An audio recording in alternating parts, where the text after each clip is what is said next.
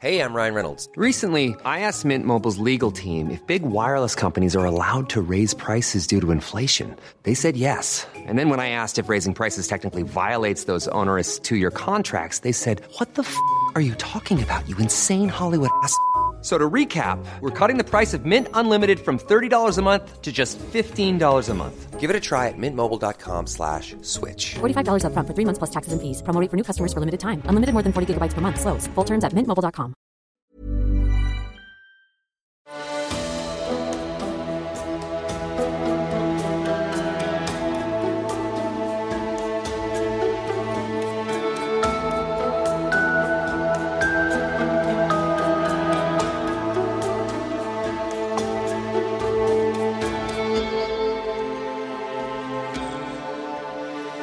Velkommen til Seriemorderpodden, podkasten dedikert til seriemordere. Hvem de var, hva de gjorde og hvordan. Jeg heter Thomas Rosaland Wiborg Tune, og på denne herlige, milde maikvelden fortsetter vi reisen inn i John Wayne Gacys iskalde og nådeløse sinn. Denne episoden tar for seg Gacys første periode i fengsel, samt hans vordende morderkarriere. Med andre ord, ikke en episode for de mest sarte iblant oss.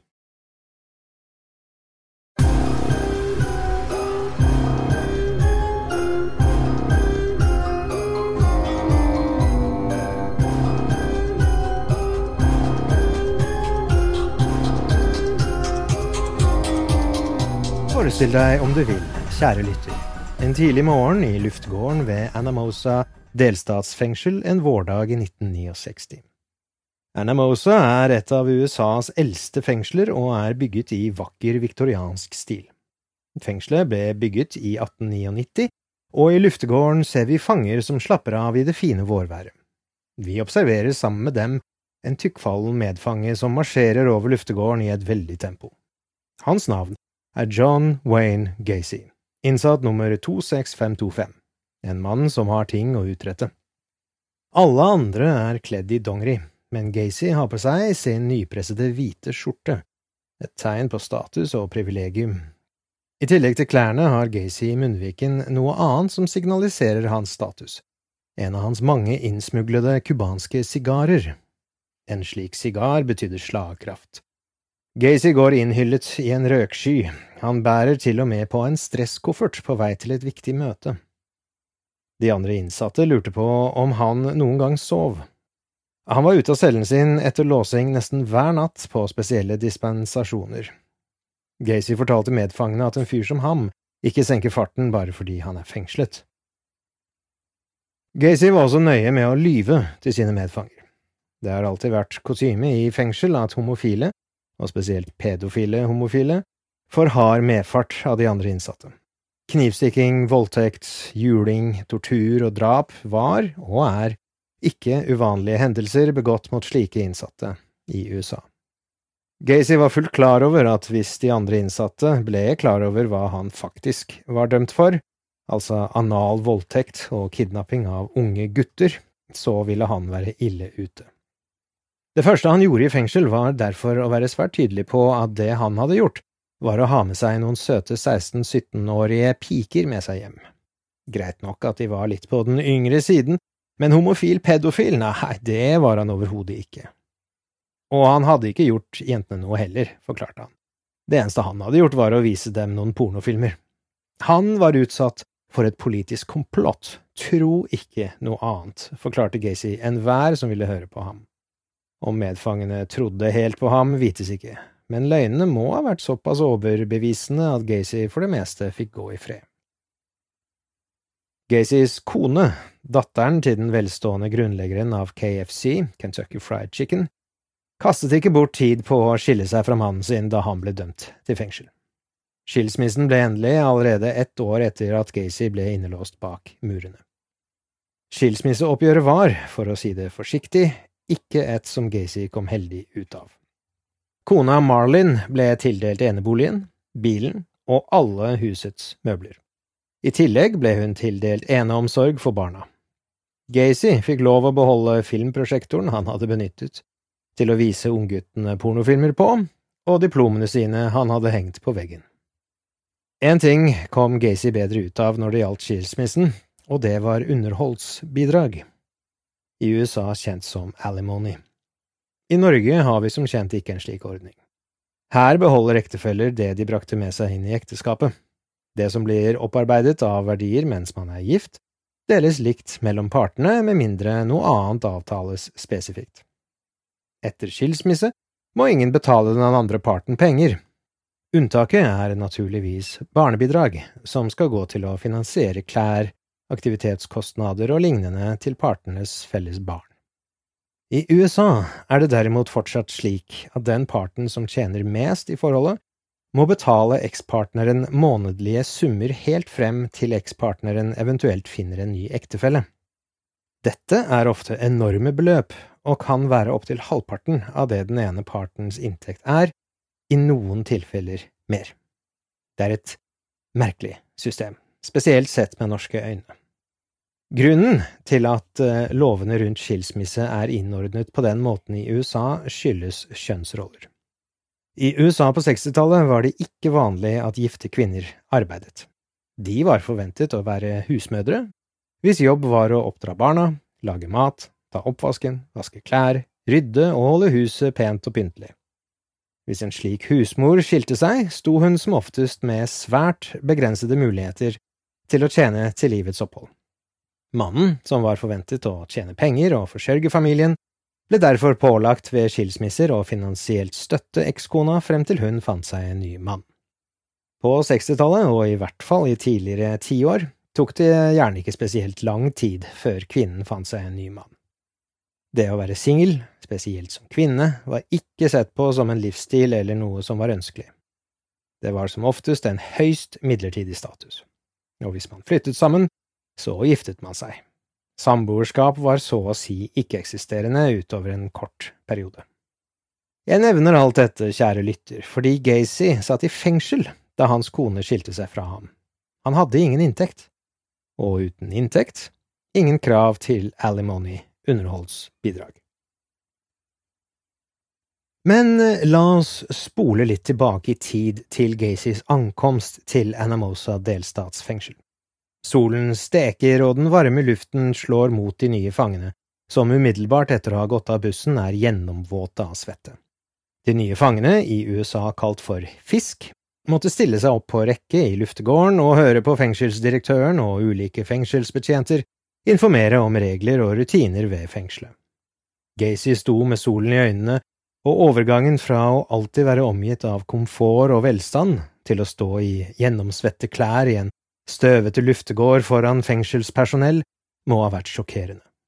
Gacy var også den desidert feiteste av alle de nye fangene. Midt i talen til fengselsdirektøren faller Gacy om. Han detter rett forover og deiser i bakken med drønn. For første gang i livet hadde Gacy besvimt. Alle nye fanger ble på den tiden først plassert i det som var kjent som fisketanken. Dette er egne celler for nyankomne fanger og var kun ment som et tiltak for å lære dem opp i fengselets miljø, rutiner og regler.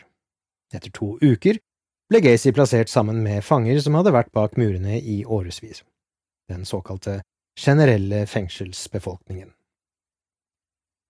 I tidligere episoder har jeg forsøkt å poengtere hvor dyktig Gacy var til å skaffe seg nøkkelkontakter i så vel sosiale som forretningsnettverk. Når han ønsket det, kunne Gacy være svært sjarmerende, og en person de fleste likte å tilbringe tid med. I fengsel visste Gacy å utnytte denne egenskapen til fulle. Han var en utmerket menneskekjenner og forsto raskt hvilke medfanger han skulle innynde seg hos, og hvilke han skulle holde seg unna. Til å begynne med tilbrakte Gacy mye tid med ikke-voldelige kriminelle. Det var ofte hvite menn som han selv, som også i noen tilfeller hadde middelklassebakgrunn. Her var det folk som hadde snytt på skatten, svindlere, innbruddstyver, og selvfølgelig mange som hadde blitt dømt for dopkriminalitet. Hasj var på denne tiden fortsatt et ganske nytt fenomen, og det var gjerne collegegutter og hippier som ble tatt for å røke marihuana. Gacy holdt seg unna de hardere dopkriminelle, de som eh, langet heroin og var involvert i mafiavirksomhet. Etter at Gacy hadde sjarmert de nye vennene sine, la han ut om hvor mye han slet med hjerteproblemer. Som du kanskje husker, kjære lytter, var det i realiteten ingenting i veien med hjertet til Gacy. Men han hadde god erfaring med å lyve om hjerteproblemer for å få sympati og støtte. Kraftig overvektig og ute av form var det få som mistenkte ham for løgn når han fortalte om sine hjerteproblemer.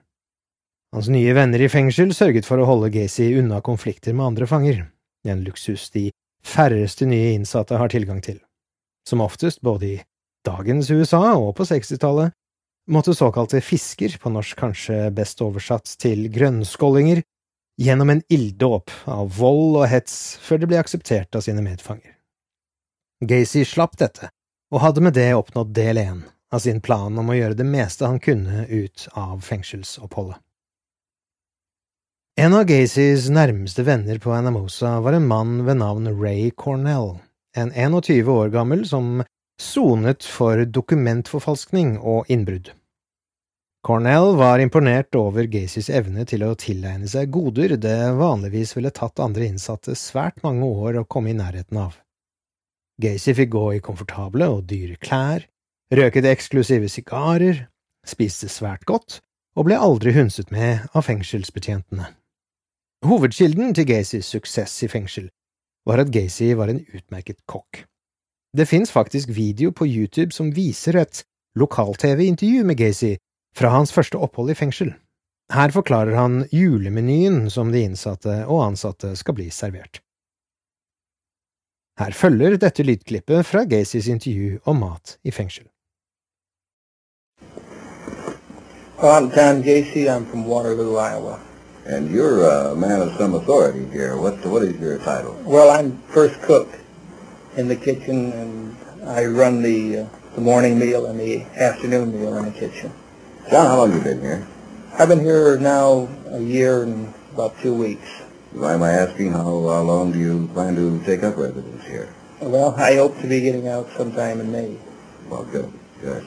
You're going to continue as a, as a cook, use that as a, as a profession? Right. This is my profession before I came in. All right. Food service. Well, now, how about uh, Christmas time? You do anything special for the guys? Uh, you, what are you planning for old Christmas Eve and Christmas Day, for example? Well, Christmas Eve, what uh, the food service department, under the direction of Mr. John Brimer, will prepare stockings that we hand out. Well, actually, they're, they're paper bags that'll have fruit, an apple and an orange, and a, a box of bridge mix candy. And this is all from the staff here. They donate this. Then in the cell houses at night on Christmas Eve, we will serve uh, cookies and hot chocolate to the men in the cell houses. This is around 8.30, 9 o'clock at night. Then uh, come Christmas Day, we serve a regular traditional Christmas dinner. Now tell us about that. What's that going to be is, this this is quite a meal.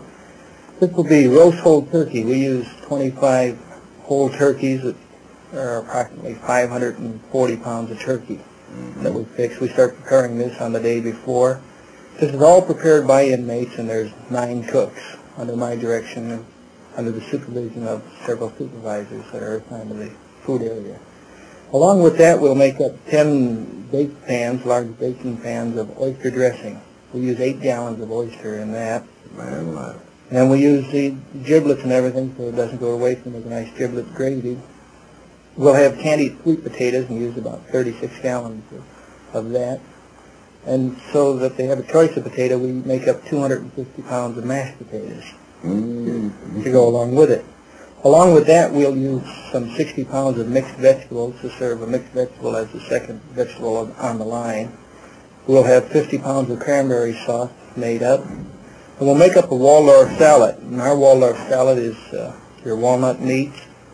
And we use fresh marshmallows, fresh uh, green grapes, and fruit cocktail, and make up our own whipped cream topping with it. We sometimes go through as much as 45 gallons of this Good. on the line. The men, with the exception of the, the turkey, which they get a generous proportion of, and the pumpkin pie that will be served, are allowed to take as much as they want to eat. The only requirement is that you eat what you take. Det å være sentral i å kontrollere et av de viktigste godene i fengsel, mat, gjorde at Gacy var populær hos stort sett alle. Han visste bedre enn å gjøre seg til fiende med noen i fengsel, For hvis det kom til vold, hadde den feite og ute av form Gacy null å stille opp med mot muskuløse karrierekriminelle. Uansett hvor han gikk innenfor murene på Anamosa, bar Gacy på en svart stresskoffert. Han var en travel mann. Anamosa var en av de første fengselsinstitusjonene i Amerika med en JC-klubb for de innsatte. Gacy var, akkurat som han hadde vært på utsiden av murene, den beste JC-en noen i fengselet hadde sett.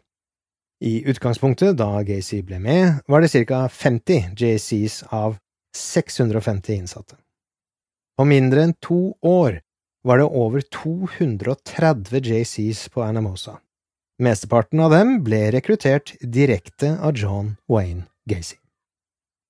Gacy var også aktiv i JCs innsats for å forbedre forholdene ved Anamosa. Han og andre jobbet opp mot politikerne for å få dagsinntekten for fanger hevet fra 25 cent per dag til 50 cent per dag.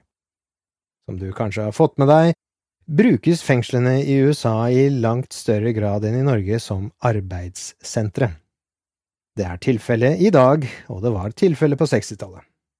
Typiske produkter som ble produsert i fengsel, var klær, gjerne jeans, det var også vanlig å produsere trevarer, og sengetøy. 50 cent i 1969 tilsvarer ca. 4 dollar i dagens valuta. I norske kroner blir det ca. 45 kroner. Til sammenligning tjener en gjennomsnittlig industriarbeider ca. 2700 kroner dagen i Norge, så det sier seg selv at fengsler ble og blir sett på som attraktive valg for lavkostproduksjon i USA. Ryan Reynolds her fra Mint Mobile. Med prisen på nesten alt som går opp under inflasjonen, trodde vi at vi skulle bringe prisene our prices down. So to help us, we brought in a reverse auctioneer, which is apparently a thing. Mint Mobile unlimited premium wireless. Ready to get 30, 30, bit to get 30, bit to get 20, 20, 20, bit to get 20, 20, bit to get 15, 15, 15, 15 just 15 bucks a month. So, Give it a try at mintmobile.com slash switch. $45 up front for three months plus taxes and fees. Promo rate for new customers for limited time. Unlimited more than 40 gigabytes per month. Slows. Full terms at mintmobile.com. This is Paige, the co-host of Giggly Squad, and I want to tell you about a company that I've been loving, Olive and June. Olive and June gives you everything that you need for a salon quality manicure in one box. And if you break it down, it really comes out to $2 a manicure, which is absolutely insane. It's also so easy to get salon worthy nails at home with Olive and June. The difference between how your nails used to look when you did them yourself and now with the Manny system is a complete game changer. The best thing about Olive and June too is it's a quick dry, dries in about one minute, lasts for five days, and full coverage in up to one to two coats. Visit oliveandjune.com slash perfectmanny20 for 20% off your first system. That's oliveandjune.com slash perfectmanny20 for 20% off your first system.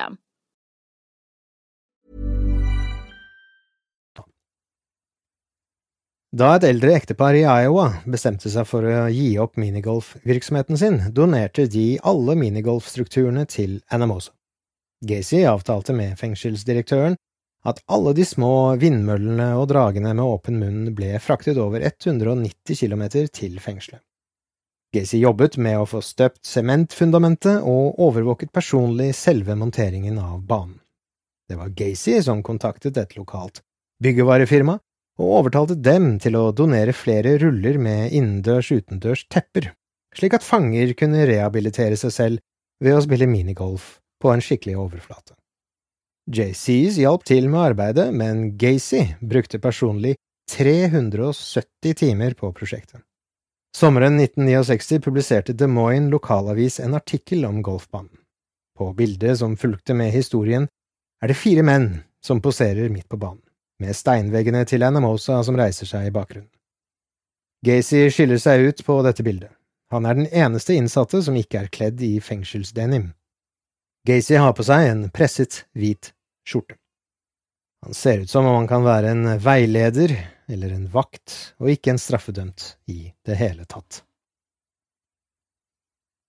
I mai 1969, fem måneder etter å ha blitt dømt, søkte Gacy om tidlig prøveløslatelse basert på hans enestående arbeid med JCs og hans tilpasning til fengselslivet. Styret for prøveløslatelser svarte at de ikke kom til å vurdere prøveløslatelse før tidligst ett år senere.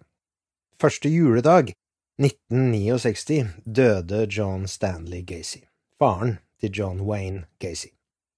På denne tiden var Gacy fortsatt bak lås og slå, og selv om han hadde opparbeidet seg et godt rykte i fengsel, fikk han ikke særbehandling når det gjaldt permisjon fra fengsel.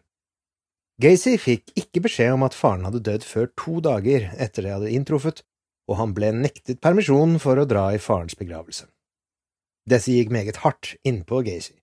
Han visste at faren hadde tatt det svært tungt at sønnen var blitt sendt i fengsel, og det at han ikke hadde fått se faren igjen etter at han ble satt inn, gav ham smertefulle psykologiske arr. Gacy var redd for at faren hadde dødd av skam over å ha sin sønn i fengsel. Sannheten er at faren døde av skrumplever som følge av et livslangt misbruk av alkohol. I mars 1970 kom Gacy med en ny forespørsel om tidlig prøveløslatelse, og siden Gacy sa at han planla å bo med moren sin i Illinois ved løslatelsen, ble det skrevet en supplerende fremdriftsrapport for prøveløslatelsesstyret. Gacys forespørsel ble vurdert i mai, og han ble prøveløslatt i juni 1970. Enhver fange med rent rulleblad kan ha forventet prøveløslatelse etter de samme anklagene etter fem år, men uh, Gacy var eksepsjonelt hardtarbeidende, og han sonet bare 16 måneder av sin ti år lange dom. Da prøveløslatelsesdatoen nærmet seg, ble Gacy overført til Riverview Release Center i Newton, Iowa. På dagen for løslatelsen ble Gacy plukket opp av vennen Charles Hill, som fortsatt trodde Gacy hadde blitt utsatt for et komplott. Gacy hadde ofte skrevet til Hill, og fortsatte å insistere på hans fullstendige uskyld. Hill, hans kone og Gacy spiste en bedre middag sammen for å feire løslatelsen. Da Hill, halvt på spøk, etter middagen sa at Gacy nå måtte være forsiktig og holde sin sti ren, da svarte Gacy med et iskaldt, og jeg siterer, Jeg skal aldri tilbake til fengsel. Gacy hadde for lengst lovet seg selv at han aldri igjen skulle la en som Voorhees ødelegge for ham. Han hadde rett og slett ikke råd til vitner. Kort tid etter Gacy ble løslatt fra fengsel, fikk han kontakt med ekskjæresten sin fra videregående, Carol Lofgren. Da de slo opp, hadde det ikke vært noe dårlig stemning. Det hadde ikke vært noen eh, særlig romantiske følelser den gangen, rett og slett. Nå, en god del år senere, hadde dette endret seg. Carol var nylig blitt skilt, og hadde to barn å ta hånd om på egen hånd. Hun trengte en mann i livet sitt, og Gacy virket perfekt. Hun kjente ham og trodde på ham når han sa at han hadde blitt utsatt for et komplott og derfor hadde vært i fengsel. Barna hennes likte Gacy veldig godt, de kalte ham til og med for pappa etter kort tid. Sexen med Gacy var til tider ganske grov, han likte å binde henne fast. Men hun tolererte det og så det som et lite offer for å ha en skikkelig familiemann i huset. Overfor Carol betrodde Gacy seg også med at han anså seg selv som biseksuell. Dette var usedvanlig ærlig til ham å være, men man må anta at han forsto at hun kom til å oppdage all pornoen hans etter hvert uansett. Til å begynne med trodde Carol at han tullet med henne, men da hun forsto at han mente det, slo hun seg til ro med det så lenge han var trofast mot henne, skulle ikke hun stå i veien for at han kunne være seg selv. Etter å ha vært samboere i nesten ett år giftet John Wayne Gacy og Carol seg 1. juli 1972 i en liten og intim seremoni. Det første drapsofferet til John Wayne Gacy kjenner vi fortsatt ikke identiteten til. I politirapporter og rettsdokumenter er gutten kun omtalt som enten lik nummer ni eller Greyhound Buss-gutten. De fleste ofrene til Gacy ble kvalt i hjel, enten ved hjelp av tau, manuelt med hendene, eller ved å få skitne tøyfiller stappet langt ned i luftrøret. Lik nummer ni er en annen historie. Denne gutten ble stukket i hjel med kniv. Gacy hadde på et tidspunkt stått over den hjelpeløse gutten og gjentatte ganger ført en kniv brutalt inn i brystet på han. Dette ville medført ekstreme smerter, punktering av lungene og sjokk. Døden fulgte sannsynligvis enten som følge av blodtap eller ved at offeret druknet i sitt eget blod. Rettspatologen dr. Stein undersøkte personlig lik nummer ni. Det var lite annet enn knokler igjen av liket. Dr. Stein, sammen med en radiolog og en antropolog, fant at det femte ribbenet hadde et innskåret område på den øvre delen som var forenlig med et stikksår. Også venstre side, eller sideaspekt av brystbenet, hadde to områder som også var kompatible med et innsnitt eller stikksår. Innenfor en rimelig grad av medisinsk og vitenskapelig sikkerhet konkluderte dr. Stein altså med at personen som ble referert til som kropp nummer ni, lik nummer ni, døde av, og her siterer jeg patologen, stikksår multiple i brystet. Sitat slutt. Nyttårsaften 1971, mens tanten hans var eh, døende på sykehus, jobbet Gacy på en privat fest i restauranten han jobbet på. Carols mor tok med barna slik at Carol kunne bli med John i restauranten rundt åtte på kvelden. Gacy husket at han betalte for drosjen. Han husket alltid slike små detaljer. Gacy fortsatte å jobbe, og han ble med på festen når han kunne. Festen tok slutt rundt klokken 03.00 på natten, og Gacy kjørte tilbake til huset i Norwood Park, hvor han og Carol falt utmattet til sengs. De sov omtrent fire timer og sto opp rundt klokken åtte om morgenen. Gacy måtte kjøre Carol til eh, Kennicott, hvor moren hennes var sammen med barna. Gacy fortalte sin forlovede at han ikke kom til å kunne se henne på noen dager ettersom han nettopp hadde fått beskjed om at tanten hans var død. Gacy kjørte tilbake til Summerdale, huset sitt, og sov til rundt tre på ettermiddagen. Så sto han opp og kjørte til onkelen Harold, hvor moren hans tilbrakte nyttårsfeiringen. Derfra kjørte de til tante Ethel. Ifølge Gacy var det lite snakk om døden. I stedet ble det drukket tett, og det var meget god stemning.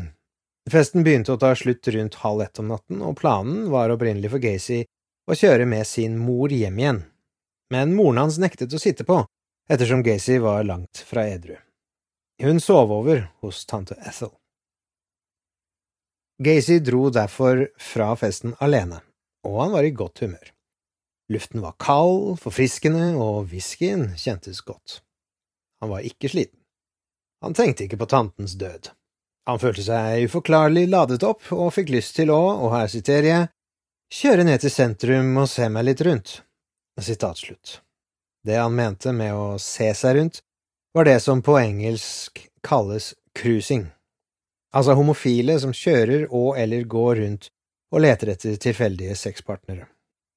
Gacy var fullt klar over at i sentrum, nærmere bestemt på Greyhound bussentralen, var det flust av muligheter til å skaffe seg et ligg med en gutt. Greyhound-bussgutten, slik Gacy husket ham, var nesten perfekt. Han var ikke høy, men han var godt bygget og ung, kanskje 18 eller 19, med lyst blondt hår. Han hadde på seg en rutete skjorte og et par Levi's. Det var en stor spenne på beltet hans. Gacy husket særdeles godt den store spennen. Gacy oppsøkte gutten og spurte hvordan det sto til. Gutten svarte at han ikke hadde noe fore, og at han hadde omtrent tolv timer å slå i hjel. Videre fortalte han Gacy at han nettopp hadde kommet med bussen fra West Virginia og skulle et annet sted. Bussen hans var dog ikke ventet før tolv på dagen etterpå, eller enda senere. Gacy tilbød gutten å sitte på i bilen hans mens han ventet, noe som ble godtatt. Vi må huske, kjære lytter, at det eneste reliable vi har å gå etter her, og det er ikke reliabelt i det hele tatt, det er Gacys eget vitnemål. Og som vi vet, seriemordere lyver. Med tanke på tidspunktet og hvor gutten befant seg, er det mye mer sannsynlig at han var en mannlig prostituert, som Gacy betalte for å bli med seg og ha sex med. Uansett hva sannheten er, så endte de opp i huset på Summerdale. Gacy ordnet noe å spise. En sandwich med litt lunsjkjøtt. Gacy måtte kutte kjøttet fra en stor skinke. Han jobbet på en restaurant og visste at du sparte penger ved å kjøpe angro, så han kuttet kjøttet til smørbrødet med en stor slaktekniv. Gacy lot kniven ligge på kjøkkenet og brakte smørbrødet ut til stua hans, der gutten satt rett ved siden av baren. Gacy blandet et par drinker. Han mente selv å kanskje ha tatt én øl, men gutten drakk sterk kornwhisky. Gacy advarte ham om det, men gutten var opptatt av å bevise at han var en mann, og skylte ned et par heftige shots. Samtalen dreide seg igjen til sex, og de to utøvet oralsex på hverandre. Da Gacy hadde ejakulert ferdig, følte han seg trøtt og sa at han ville legge seg.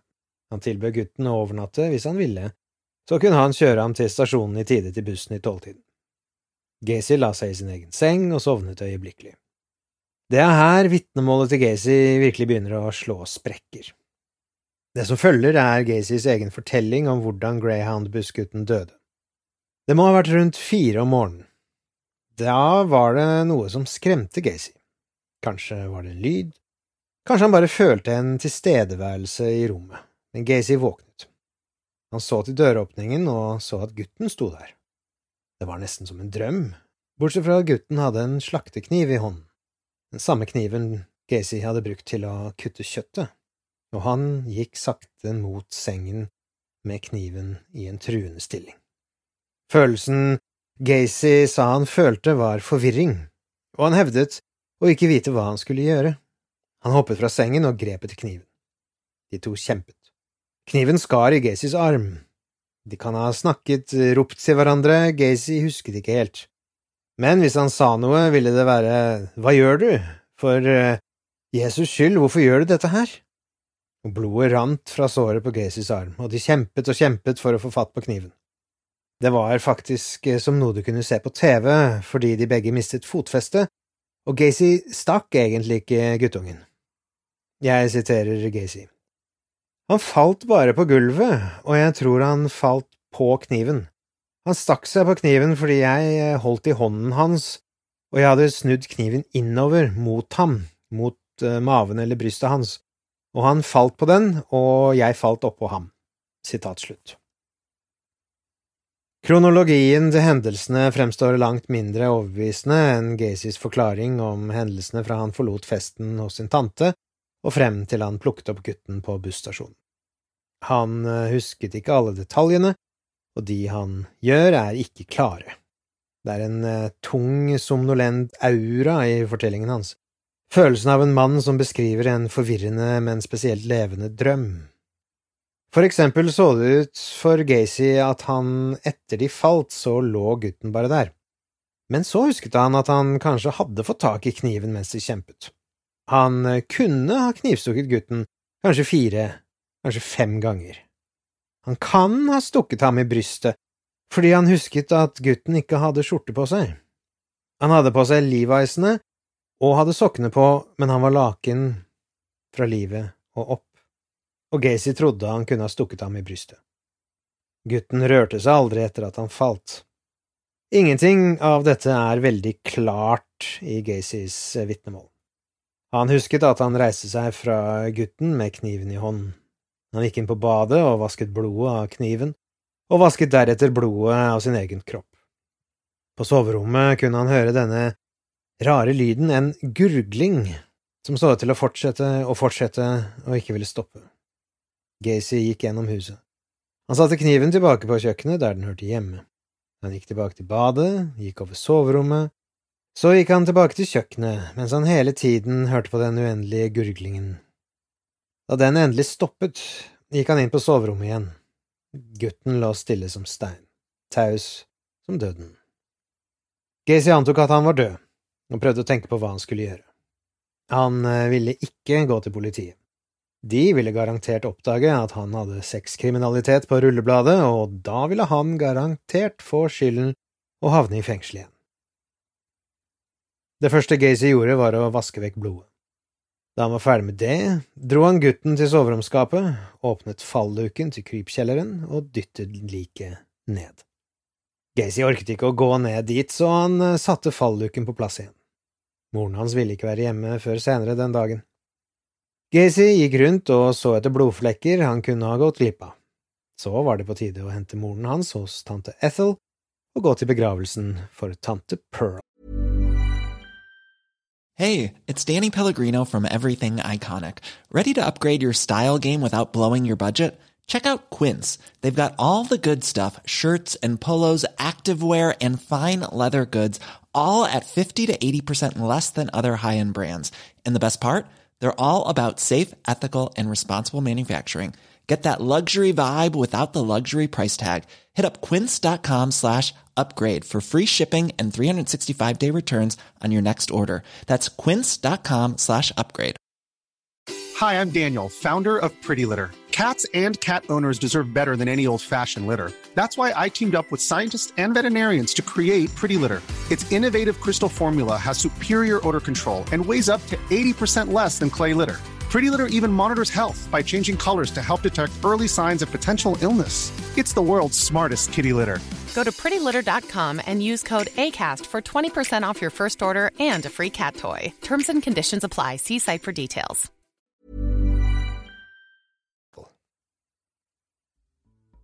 Og med det, kjære lytter, kommer vi til slutten av del tre i sagaen om John Wayne Gacy, morderklovnen.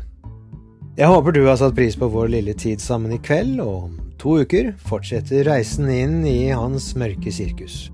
Så som de sier i Radioland, følg med.